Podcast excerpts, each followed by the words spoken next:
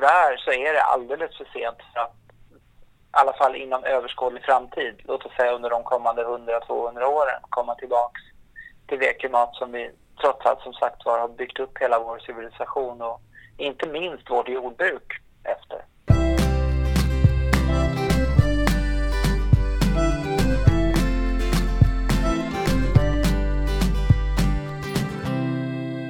Det här är en podcast från Länsförsäkringar Östgöta. Jaha, hej och välkomna hem till mig. Anders Hofegård heter jag och jag gör den här podcasten på temat hållbarhet för Länsförsäkringar Östgöta. Jag sitter just nu hemma vid ett frukostbord och läser tidningen. Ja, så gammal är jag. Och här har man ju på den sista tiden läst massor av larm när det gäller klimatet. Det finns de som påstår att vi redan har passerat en punkt där det inte går att vända utvecklingen. Och så läser jag här att Oslo, Norges huvudstad, till och med förbjuder fossildieselbilar vissa dagar. Man börjar nästan bli lite uppgiven. Det verkar gå framåt ändå med elbilar och laddhybrider och allt möjligt. Men just diesel verkar det vara problem med. Den tunga trafiken.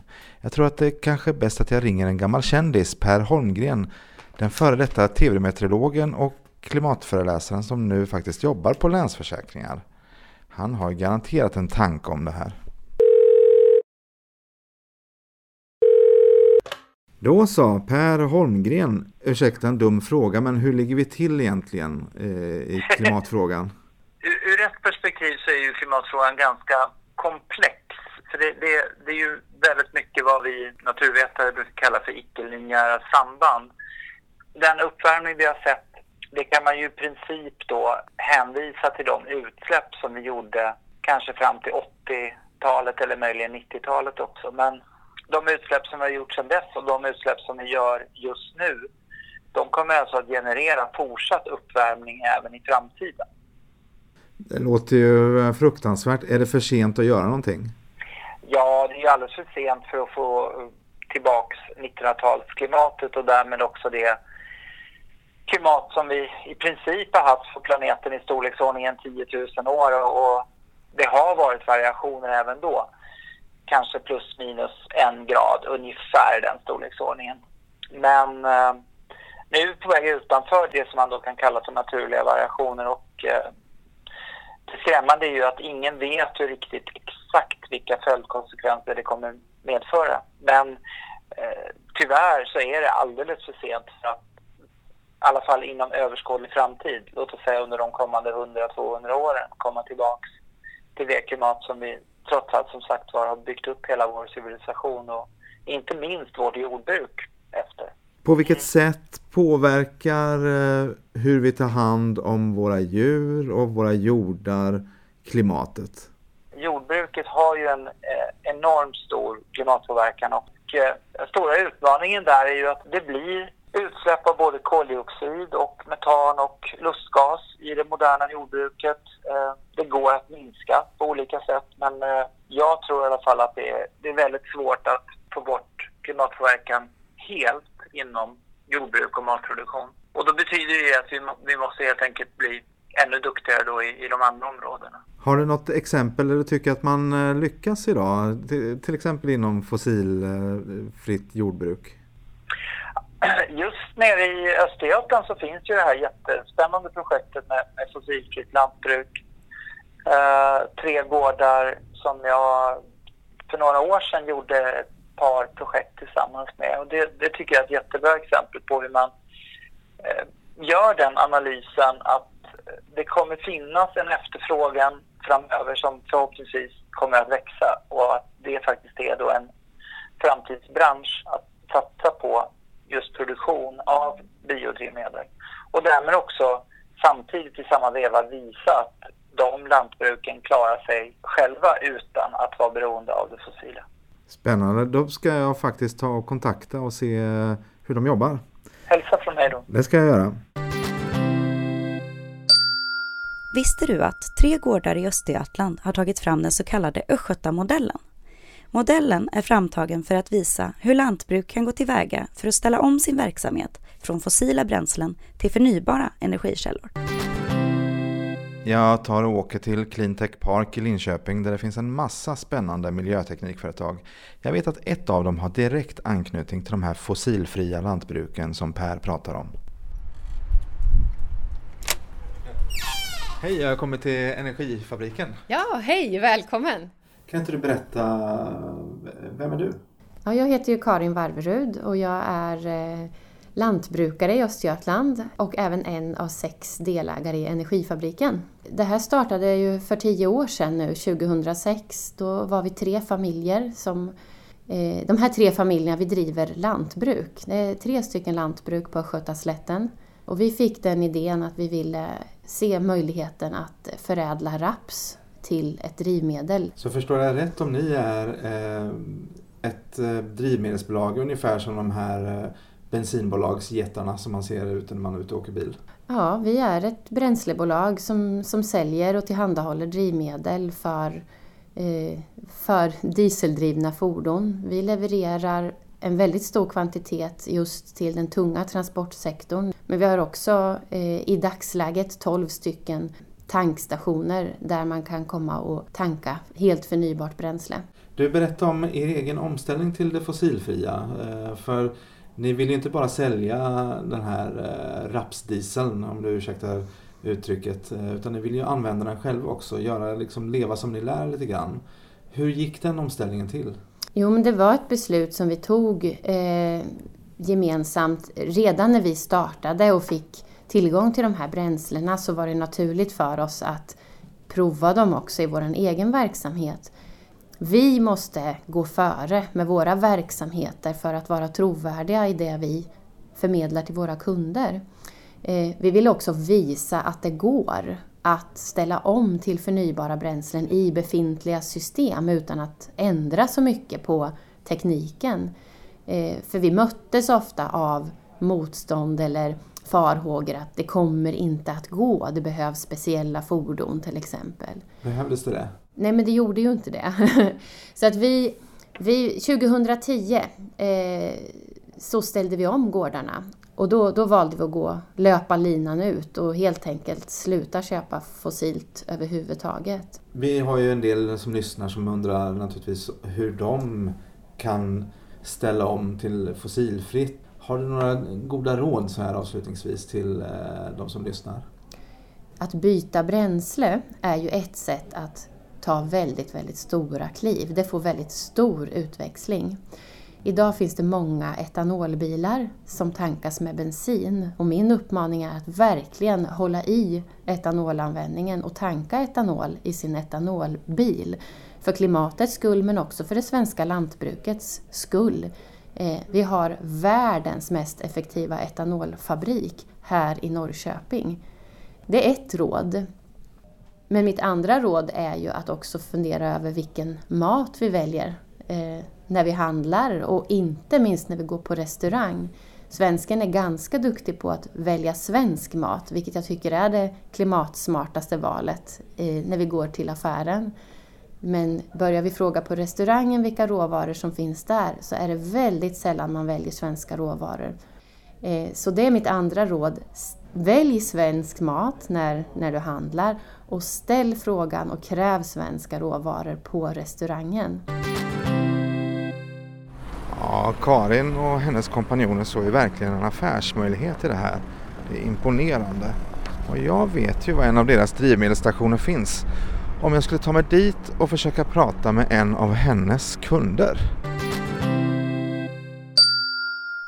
Visste du att HVO, rapsdiesel, är kemiskt identiskt med fossildiesel och därför kan det användas av tunga fordon som redan är utrustade med dieselmotorer? Ja, då står jag på någonting som nästan liknar en bensinmack men det är någonting helt annat i tankarna här. Det står 100% raps. Eh, det är fullt med långtradare utanför som susar förbi på E4. Och här står jag med Tove Olsson. Berätta vem du är och vad du jobbar med. Ja, jag heter ju Tove Olsson som du sa då och jag jobbar som hållbarhets och kommunikationschef på Econova som ligger här på andra sidan vägen. Vad, gör, vad är Econova för företag? Econova är ju ett miljöteknikföretag och man har ju jobbat sedan 1959 faktiskt har familjen Andersson jobbat med att sätta in skogsindustriella restprodukter i samhället. Så det är ingen ny affärsidé, gammalt och beprövat. Kan du ge exempel på vad det är för ehm, vad man gör med de här eh, skogsindustriella restprodukterna? vad, vad, vad, blir resultatet? Ja, men resultatet blev ju årets trädgårds, bland annat årets trädgårdsprodukt förra året när 100% återvunnen jord från Weibuls Eh, då blev utnämnd. Så vi var jättestolta och det som är i säcken när man köper 100% återvunnen jord det kommer från Holmens bruk här ute så det är ett fiberslam ifrån dem. Ni har gått över till eh, fossilfri HVO-diesel ja. i eran, era transporter. Eh, kan du berätta om varför och hur, hur kommer det sig? Ja, vi är ju ett eh, företag med ganska hög miljöprofil så det var ett helt naturligt steg att titta över transporterna. Transporterna är ju en väldigt stor och viktig del för oss när våra produkter ska ut i samhället. Har ni eh, upplevt eh, någon förändring i rent praktiskt tekniskt kring det här? Nej, faktiskt ingenting förutom att det kanske är lite bökigt att tanka just här. Okej, det är svårt. Det finns en mack. Ja, men visst, visst. Har ni gjort någon beräkning på ungefär vilken miljöeffekt den här eh, omställningen till eh, fossilfri HVO ger?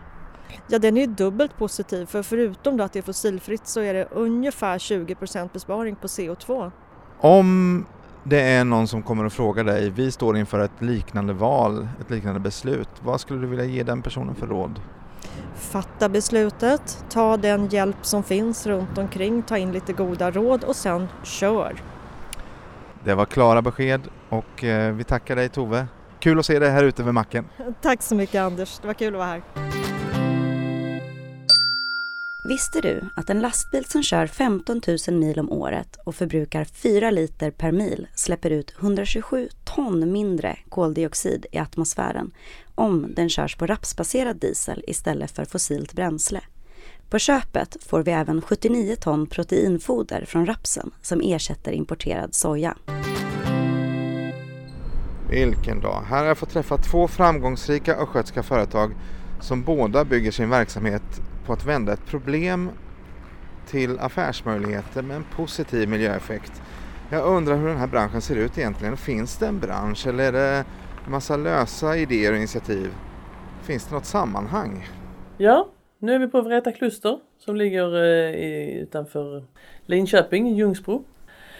Eh, jag jobbar där som klusterledare. Jag kallas för klustermotor. En ganska bra titel. För det säger att vi ska hålla igång, eller jag ska hålla igång det här klustret. Helena Oskarsson heter jag, om jag inte sa det. Varför finns Vreta kluster? Vad är det här för ställe? Vi ska åstadkomma tillväxt inom gröna näringar i Östergötland. Gröna näringar, det är de branscher som jobbar med förnybar råvara egentligen. Producerar mat, eh, jordbruk, skogsbruk, förnybar energi, vattenbruk, trädgård. Så om jag själv då går omkring och bär på en idé kring eh, någon ny innovation eller en ny tanke som har med någon form av miljöförbättrande grund eller som kanske är anslutning till, de här gröna näringarna. Eh, nästa biodrivmedel. Mm.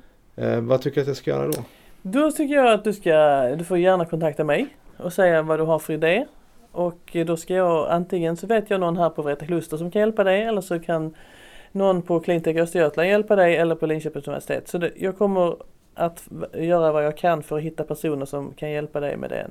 Det kan ju vara en kontakt till någon expert eller det kan vara en affärscoach eller du behöver finansiering.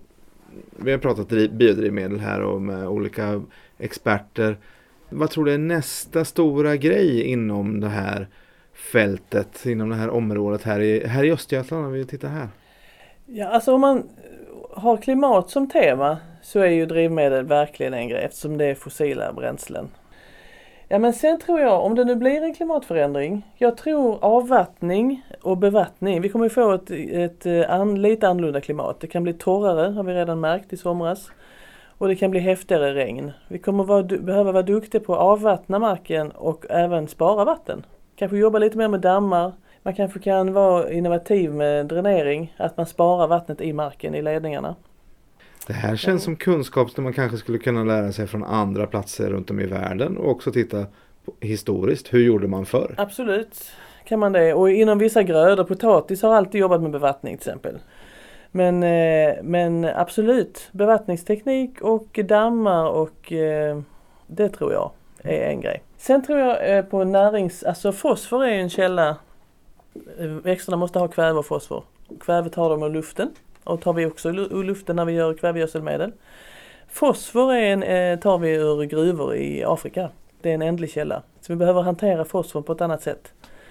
Eh, vi behöver vara lite mer rädda om den vi har, se till att den inte läcker ut och det har ju jordbruket jobbat med så länge jag har varit med i jordbruk i 30 år så har man ju jobbat med den frågan. Men man kommer, det kommer i alla fall alltid att behövas hämtas fosfor kanske ur eh, havsbottnarna. Jobba på ett effektivt sätt med det.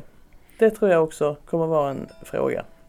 Då får jag tacka för jättebra idéer som jag ska gå hem och fundera på och försöka hitta på egna lösningar på och kanske starta mitt egen business inom det här. Det låter som att det är framtidsbransch. Får jag säga några saker till? Ja, visst självklart. Det eh, finns ett jättekult företag i, som heter Biototal eh, som jobbar med förnybar växtnäring. Försöker göra växtnäring av eh, avfall från stan av, genom att skörda vass från Östersjön, genom att och göra det till gödselmedel som man kan sprida eh, aska, eh, rester från fiskindustrin, alltså, alltså den typen av affärsidéer som, som tar hand om avfall och gör det till produkter, den är också cool. Och sen tänkte jag säga en annan, en, en, på tal om idéer som man kan komma hit med. En kille som bor i Kinda som eh, kommer från Somalia som vill åka hem igen och börja odla upp. Och han har lånat potatissorter från Kindabönderna och han provar odla tomater och allt möjligt. Och jag hjälpte honom så han fick lite växthuspraktik. Så nu eh, är han där och odlar upp och bygger växthus. I Somalia? Ja, Somalia. Så Östgöts kunskap går på export till Afrikas horn? Inte lite kul? Ja, det är häftigt. Ja. Ja, det är tydligt att vi gör en resa här i Östergötland inom det här området. Utan tvekan ligger vi långt framme och det slår mig att hur dystra klimatrapporter vi än får har intrycket att det blir fler och fler som ser miljöutmaningarna som en möjlighet inspireras till att hitta mer kreativa lösningar. Nästa avsnitt av den här podcasten kommer handla om hållbara affärer ur ett annat perspektiv, det sociala. Vi kommer bland annat eh, snacka om hur vi som driver företag kan utnyttja potentialen i mångfalden och skapa affärsnytta. Vi hörs då!